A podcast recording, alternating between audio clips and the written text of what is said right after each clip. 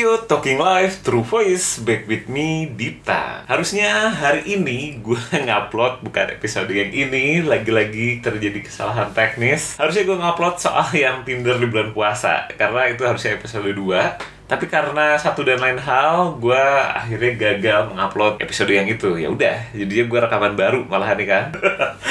Oke, oke. Karena udah terlanjur janji 30 hari podcasting. Tuh ya udah, gue tetap mewujudkan janjinya dan di segmen Ngabubukas episode ke ah kayaknya nggak perlu nyebutin episodenya kali ya. Episode keempat harusnya ini. Hmm, episode ketiga nih.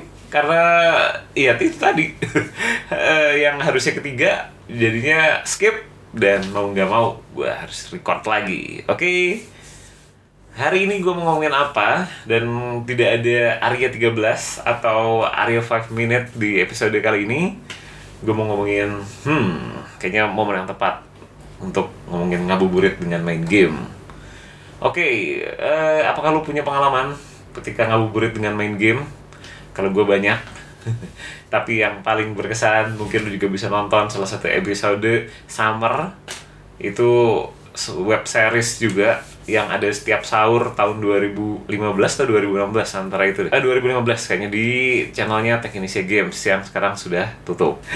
Eh, ada satu game yang sangat membuat gue bisa menuntaskan puasa di masa lalu. Judul gamenya adalah Seven Sins. Game apa itu? Ah ya silakan cari tahu sendiri kalau lu nggak tahu. Tapi ada juga yang lain sih. Selain Seven Sins Seven Sins itu berkesan karena bikin gue tidak merasakan lapar dan haus seharian walaupun gamenya ya gitu deh. Tapi ada juga yang lain. Ada Freedom Fighter di mana eh, gue menawa berhasil namatin game itu berdua dengan teman. Gamenya bukan game co-op tapi mainnya ganti-gantian gitu di sebuah warnet dan dilakukan dengan buang-buang eh, minuman yang tentunya tidak halal.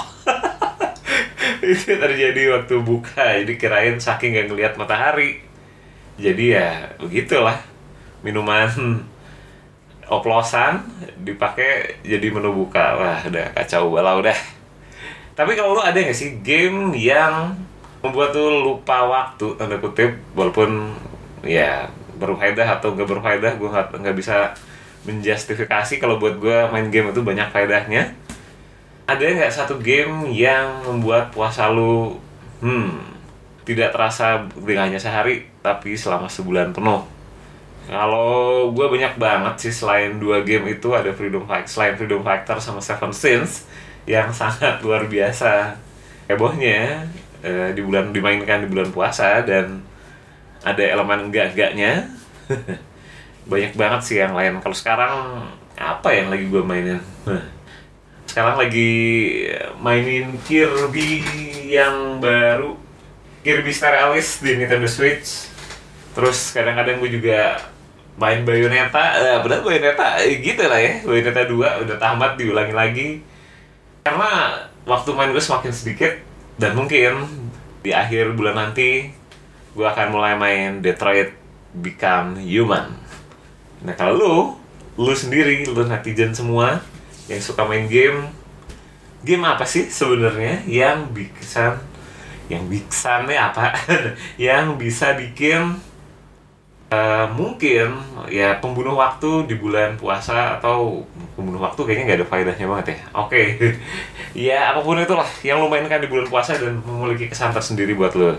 Silahkan tulis di kolom komentar ya. Thank you. Kalau lu merasa suka dengan konten-konten seperti ini, gue akan lanjut. Kalau lu nggak suka juga gue tetap akan lanjut. See you in the next episode. Semoga di episode-episode berikutnya sudah ada partner gue lagi. Partner dadakan sebenarnya. Oke, jangan lupa follow Rengang-Rengang Radio di soundcloud.com slash rengang-rengang radio. See you and bye-bye guys.